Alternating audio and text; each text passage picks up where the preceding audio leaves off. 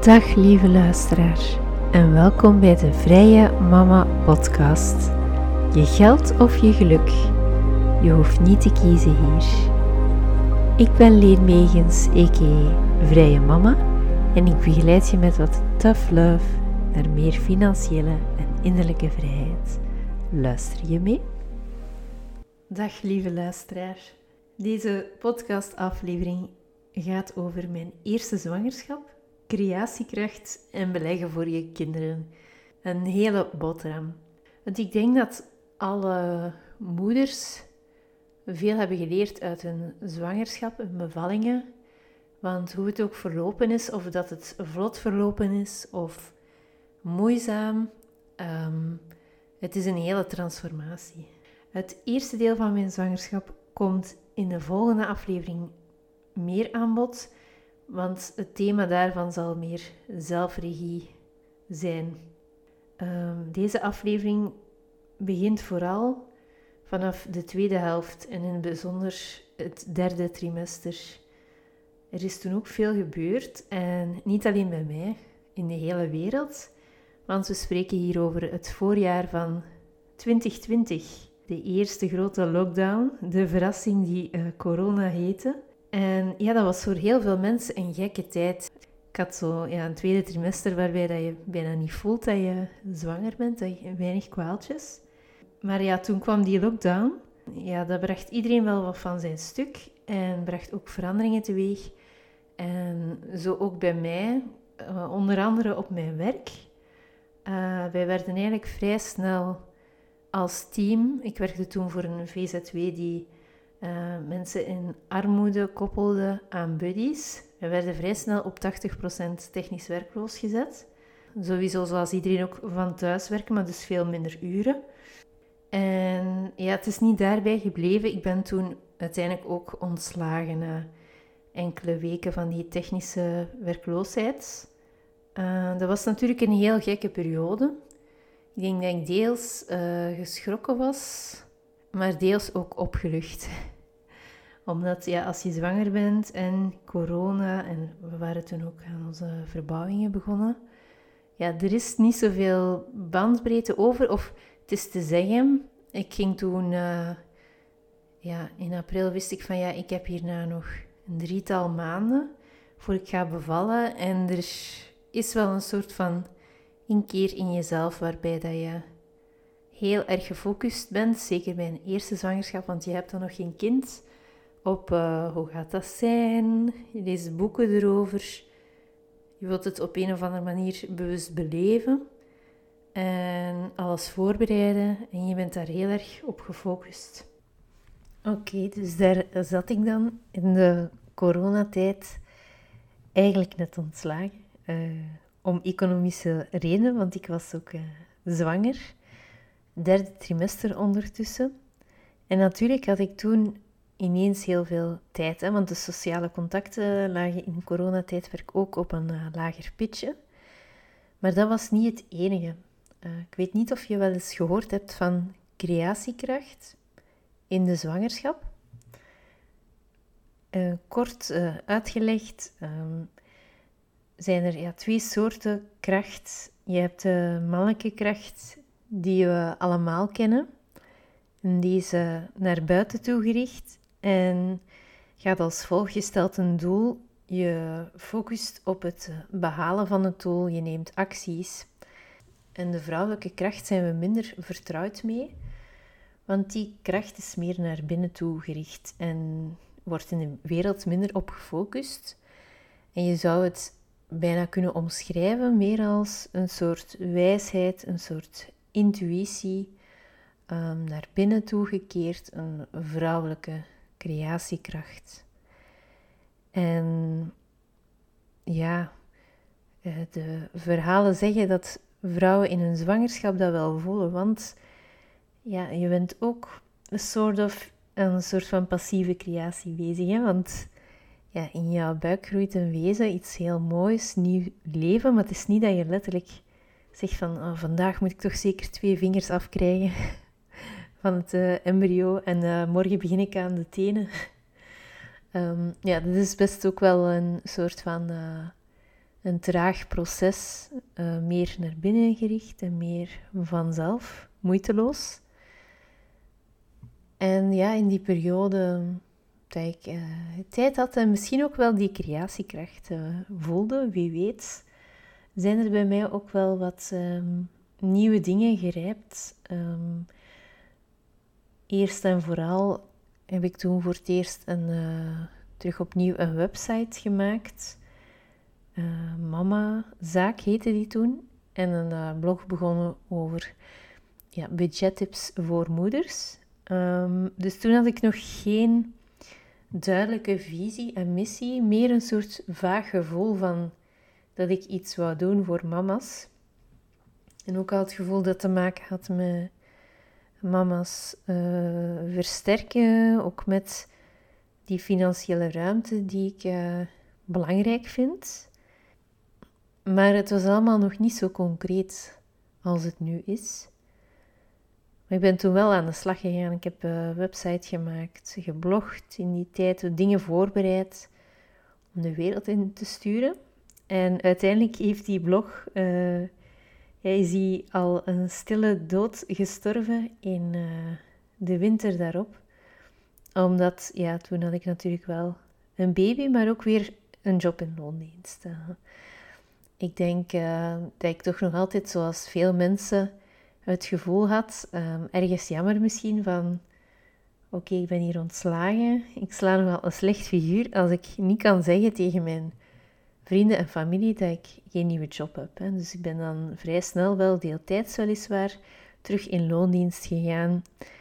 Drie maanden na de geboorte van Luna. Uh, maar naast dan die blog waar ik mee bezig was, is er toen ook een plan ontstaan om te gaan beleggen voor de kinderen. Uh, in het begin krijg je, ja, in, in het laatste gedeelte van je zwangerschap, krijg je ook te horen dat er een, um, een startbedrag uh, aankomt uh, van het groeipakket, van de uitbetalers van het groeipakket. Je hebt een, um, een maandelijks bedrag dat vroeger het kindergeld heette. En je hebt ook de groeipremie, heet het geloof ik. Het eenmalige bedrag dat je nog gestort krijgt voor de bevalling. En waar je dan babyspullen en dergelijke mee kan kopen. Ik geloof iets van een 1000 euro. Het kindergeld is ondertussen iets van 176 euro per maand. Um, dus ja, dus op een of andere manier is dat toen ook zo gerijpt. Um, ik wist al wel dat passief beleggen dat dat interessant kon zijn, maar ik was er nooit concreet mee aan de slag gegaan.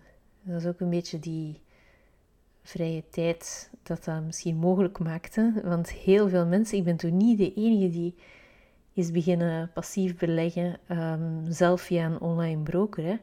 Ik denk een um, heel aantal van mijn uh, leeftijdsgenoten, mede millennials, ook omdat dat eh, ja, ineens een enorme um, piek was op de beurs. Tijdens die zomer van 2020 zijn er enorm veel mensen uh, beginnen beleggen. En op een manier is dat passief beleggen, is dat ook best wel een. Je zou het ook wel een soort vrouwelijke creatiekracht kunnen noemen in mijn ogen. Want eigenlijk moet je daar zelf niet veel aan doen, maar je hebt wel een soort van visie, een gevoel van, oké, ja, een, lange horizon van 20 jaar, 25 jaar voor je kinderen. En ja, er komt heel veel rendement op, maar het is niet dat je daar zo actief mee bezig moet zijn. En dat zal ik uh, op het einde van deze aflevering een beetje toelichten. Hè wat het juist inhoudt. Maar alleszins tot zover de creatiekracht. Ja, ik wil alvast even meegeven aan mensen die um, alle details uitgebreid daarover willen lezen. Ik heb daar al eens een blogbericht over geschreven, dus vrijemama.be slash blog. Uh, daar vind je een uh, artikel over beleggen voor je kinderen en het kindergeld beleggen. maar ik wil hier ook al even de belangrijkste punten nog even opsommen. Ten eerste, waarom is dat een goede moment in mijn ogen om tijdens je zwangerschap of rond die geboorte aan de slag te gaan met beleggen? Uh, voor je kinderen, maar je kan ook altijd zeggen van een deel is voor de kinderen en een deel is voor zelf vroeger uh, te stoppen met werken bijvoorbeeld. Um, ja, de eerste reden is uiteraard die lange beleggingshorizon. Beleggen, um, mensen vragen of denken altijd van, is dat niet riskant om te beleggen tegenover sparen? Maar een deel van dat risico heb je uiteraard wel zelf in de hand. Want wat is precies het risico? Het risico is je aandelen of fondsen verkopen op het moment dat ze in waarde gedaald zijn tegenover het moment dat je ze gekocht hebt. Dus als je gaat kijken naar een heel lange beleggingshorizon, bijvoorbeeld voor je kinderen, um, je zegt van ik ga voor mijn kinderen beleggen en ze krijgen het pas als ze 25 jaar zijn. En pas dan zijn ze matuur genoeg, of pas als ze 30 zijn zelfs, om een huis te kopen of om zelf een steuntje van ons te krijgen. Dan hebben ze zelf al een paar jaar gewerkt, gevoeld hoe duur het leven is, hoe hard je daarvoor moet werken enzovoort. Um, die 25 jaar, uh, dat is een heel veilige beleggingshorizon. Waarom? Omdat, ja, als je kijkt naar mijn start van beleggen in 2020, er zijn al een paar serieuze economische crisissen geweest, uh, grote ups en downs. In het voorjaar van 2020 was er daar een gigantische stijging bij corona. Na een korte dip van een maand, een gigantische stijging. Dan als we verder gaan kijken, daarna was er een serieuze daling. Met uh, onder andere de oorlog in Oekraïne. Uh, eh, 2022 was echt een heel slecht uh, beursjaar. En als we gaan kijken naar 2023, dat was weer een geweldig beursjaar. Dus het gaat wel altijd wat op en neer. Hè? En dat is ook meteen het gevaarlijke van als je daardoor laat meeslepen en oei, mijn aandelen zijn heel erg gezakt. Nee, als, als je ze op dat moment niet verkoopt en gewoon bijhoudt, hè, want je hebt die horizon van 20 jaar, dat maakt dat aan zich niet uit. Dan mag dan nog vijf keer zwaar op en neer gaan. Binnen, als je zegt van oké, binnen 25 jaar, ah, 28 jaar, um, ik plak er geen specifieke datum op, zelfs geen specifiek jaartal, maar ik wacht minstens 20 jaar, 25, zoiets bijvoorbeeld. En ik kijk wel van wanneer zit ik in een goed beursjaar um, of toch geen rotsrecht. En dan verkoop ik het. Um, dus geduld hebben en ja, echt op de juiste moment pas verkopen. En dat geduld hebben met die heel lange horizon. Als je zegt van nee, ik wil eigenlijk binnen nu en ik wil gaan beleggen, maar binnen nu en drie jaar wil ik dat geld terug opnemen en dan wil ik daar mijn huis mee verbouwen. Nee, dat is geen goed idee. Ehm, beleggen is echt een, als je het heel veilig, huis, tuin en keuken passief beleggen, is echt voor de lange termijn. Ehm, dus dat is de eerste reden. Hè. Als, als je voor kinderen gaat beleggen, heb je vanzelf die lange termijn uh, horizon. Want je kinderen zijn nog zo klein, uh, zeker als je het al doet van bij de geboorte. Je hebt dat geduld. Um, het mag nog een paar keer op en neer gaan. Je kunt gewoon die uh, goede moment afwachten voor hun. Uh, de tweede reden is um, ja, ook op de positieve manier. Het gaat niet alleen uh, bij het risicoaspect over tijd, maar ook op het vlak van rendement. En de rentesneeuwbal is tijd de allergrootste factor.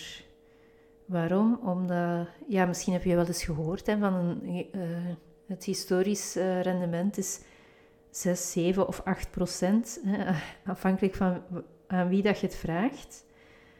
Maar het allergrootste rendement zit hem natuurlijk in de samengestelde interest. Uh, afhankelijk van hoeveel dat je belegt, kun je meer interest uiteindelijk hebben dan het geld dat je zelf hebt gespaard. Het geld dat je zelf hebt overgeschreven naar je effectenrekening om daar fondsen mee te kopen. Um, dus dat rente-sneeuwbal-effect is gigantisch. Um, en daarom, hoe langer dat die sneeuwbal kan rollen, van rente op rente op rente op rente enzovoort. Simpel gezegd, als je dit jaar interest hebt op je fondsen, dan is je totale waarde groter en krijg je het jaar erop op die totaal weer nieuwe interest. En dus zo gaat het sneller en sneller. En uiteraard is die tijdsfactor, um, ook als je gaat kijken naar veel miljonairs, uh, Warren Buffett, of hoe spreek je het uit? Um, ja, oud worden.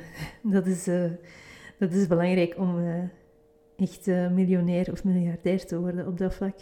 Om echt te, te gaan rentenieren. Hè? Want als je jong begint en je houdt dat heel lang vol en je houdt je levensstijl onder controle, je hebt geen levensstijlinflatie, je blijft in hetzelfde huis wonen, kun je echt gigantisch rijk worden. Dus ja, dat is nog een reden om voor je kinderen al meteen te gaan beleggen van in het begin. Je gaat een, een gigantische cadeau kunnen meegeven met die rentesneeuwbal. Dan ten derde is het ook gewoon een, een krachtig doel. Hè. Ik denk als mama, als zwangere vrouw, we willen alleen maar het aller, allerbeste voor onze kinderen. Ook qua zekerheid. Ehm, hè, het lijkt, misschien voor, lijkt het voor sommigen wat raar of wat high-achtig om met geld bezig te zijn of om veel met geld bezig te zijn, maar ik denk dat mensen, ja, ik heb in de sociale sector gewerkt de laatste zeven jaar en een citaat dat ik wel eens heb gehoord is: ehm, Als je geld niet belangrijk vindt, dan ben je nog nooit arm geweest. Hè? Ik denk voor mensen die ooit armoede hebben gekend, die moeten niet vragen of dat geld belangrijk is. Hè? Geld niet belangrijk vinden is eigenlijk een soort van luxe. En zelfs als je wel um, ja, in fortuinlijke omstandigheden leeft, uh, we moeten ook niet naïef zijn dat rijkdom kan ook iets tijdelijk zijn. Mensen die in villa's wonen, die kunnen ook in schulden belanden, uh, een ongeval krijgen, failliet gaan als ondernemer enzovoort. Dus ja, ik geloof niet zo in die zwart-wit van je hebt rijke mensen en je hebt arme sukkelaars. Nee, ik denk wel dat het uh, leven vol ups en downs, de, de zeven vette jaren en zeven magere jaren van vroeger, um, die zijn soms nog wel aanwezig in mensen hun leven, maar ze gaan het niet altijd van de daken schreeuwen natuurlijk. Hè. Ik denk dat de, specifiek ook de mensen in villas niet altijd gaan toegeven dat ze schulden hebben of geen geld, maar um, als je kijkt naar de allerrijkste gemeentes in Vlaanderen, die schuldenlast is niet laag. Ik denk dat meer de tussenin gemeentes, de middenklasse, dat die wat minder schulden hebben soms. Um, zwart. Een beetje afgedwaald. Um, de vierde reden om je kindergeld te gaan beleggen is het kindergeld is eigenlijk al iets dat maandelijks binnenkomt. Dus dat gaat misschien niet zoveel pijn doen. Hè. Het is niet een deel van je loon. Het is iets dat je als uh, pre-kids nog niet had.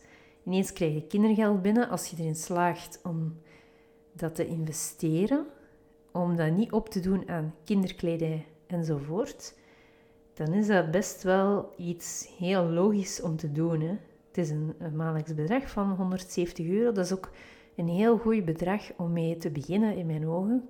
Je moet altijd uh, nooit meer uh, investeren dan dat je kunt missen. Hè? Want dan kom je inderdaad in een risico terecht als je bijvoorbeeld ambitieus bent, uh, te ambitieus en je zegt ik begin al meteen met 500 euro te beleggen. Maar eigenlijk is dat wat nipt. Eigenlijk verdient je niet eens zoveel of, of heb je best wel hoge kosten. En als maar een heel nip, dan gaat er misschien een moment komen dat je zegt, tju, ik heb hier uh, een noodgeval, uh, bijvoorbeeld een dak dat moet hersteld worden, uh, een ziekte en nu kan ik dat geld eigenlijk wel gebruiken, maar het is geen goede moment om die aandelen te verkopen. En op zo'n moment kun je wel verkopen met verlies. Dus daarom heel belangrijk, beleg alleen maar het geld dat je kunt missen, een geld dat je heel lang kunt missen. En je kunt altijd je bedrag nog verhogen, um, maar je bedrag verlagen, dat is moeilijk. Allee, of het terug opnemen, ja, je wilt echt die luxe hebben van te kunnen wachten. Oké. Ehm, maar dan, ik hoop dat ik uh, heb kunnen uitleggen waarom het best een goed idee kan zijn. Um, ik wil je ook niet daarin pushen of zo. Nee, het is altijd goed om het een beetje rustig uit te zoeken. Um, mogelijk iets van ja, maar ik snap wel waarom dat, dat interessant is, maar dat interesseert mij eigenlijk niet echt beleggen. Ik ben zo geen beurstype. Ik, ik wil het beursnieuws niet volgen en ik wil er eigenlijk ook geen tijd in steken elke maand. Nu, op dat vlak even wel een geruststelling. Het is niet dat ik daar, dat dat mijn hobby is, dat ik daarmee bezig ben. En ik ben al iemand die daarover blogt, dus dat wil al veel zeggen. Uh, de beurs aan zich, uh, ja, ik heb nog nooit jaarrekeningen van bedrijven of zo bekeken. Hè. Um, want ja, wat doe ik eigenlijk? Je hebt misschien al eens gehoord van ETF's, indexfondsen, want dat is nogal populair bij onze generatie van millennials. Um, dat zijn eigenlijk indexfondsen. Je gaat dan investeren niet in één bedrijf, maar in honderden of soms duizenden bedrijven. Uh, ik investeer vooral in de wereldindex. Uh, dus dat zijn echt bedrijven uh, verspreid over verschillende werelddelen, over verschillende sectoren. En ja, dat is, um, dan kom je heel dicht bij die.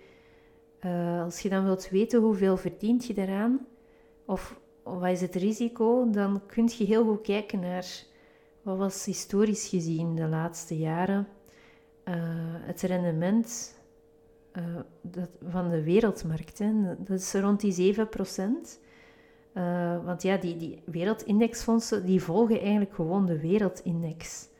Omdat die zo, ja, dat zo grote pakketjes zijn, maakt het niet uit als er één bedrijf failliet gaat, of een paar, of een hele sector, want je investeert in die honderden bedrijven. Uh, en pas als heel de wereldmarkt door een dipje gaat, en dat gebeurt, pas dan gaat dat weer dalen. Maar dan, daarna gaat dat ook weer stijgen enzovoort.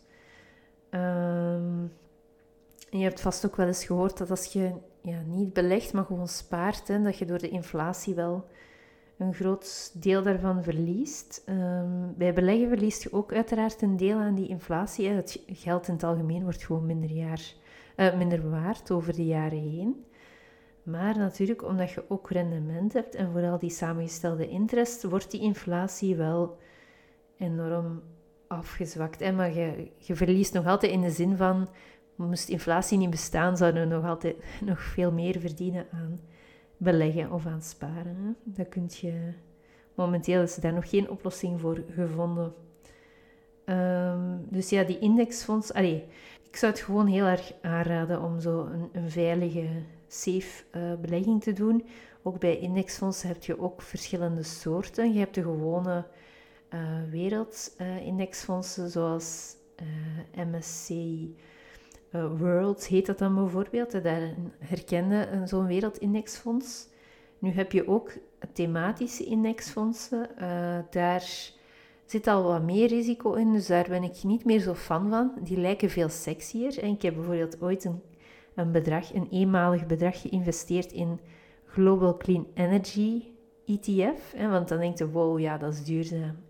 Ik, je wilt daar heel hard in geloven, in clean energy.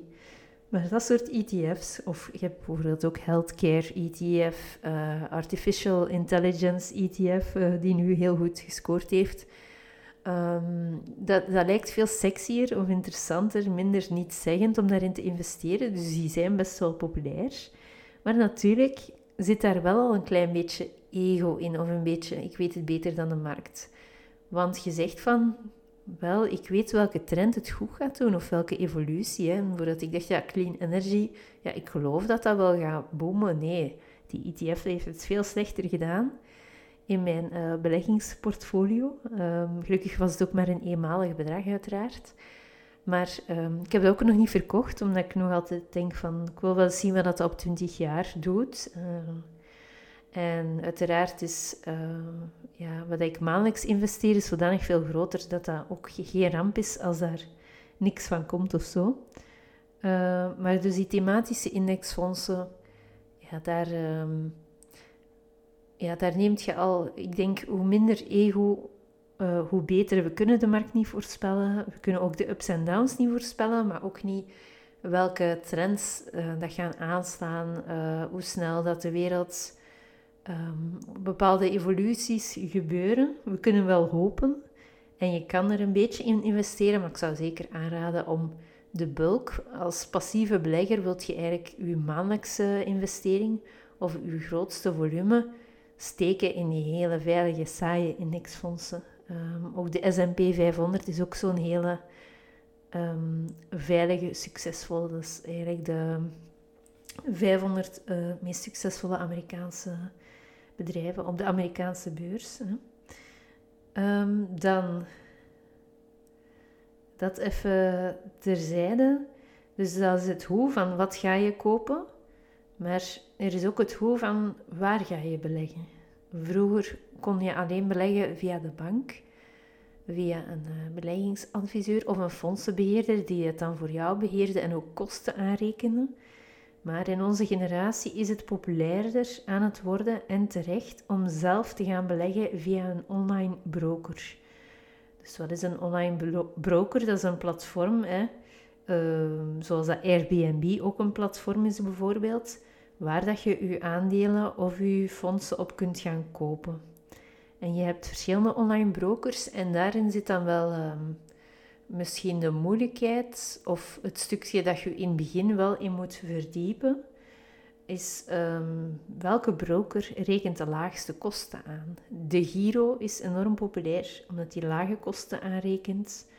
En dan heb je ook, um, ik beleg via Saxo Auto Invest.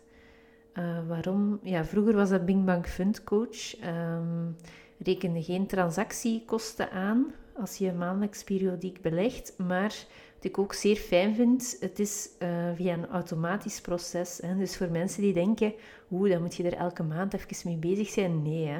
Um, net zoals dat je in je gewone bankapp naar je spaarrekening een automatische opdracht maandelijks kunt instellen, kun je ook op een um, online broker een automatische opdracht instellen, maandelijks, van koop mij maandelijks uh, dit aantal um, ehm, MSCI World Indexfonds bijvoorbeeld ter waarde van, ik zeg maar iets, uh, eh, 300 euro. Hè. Dus je kunt dat volledig automatiseren.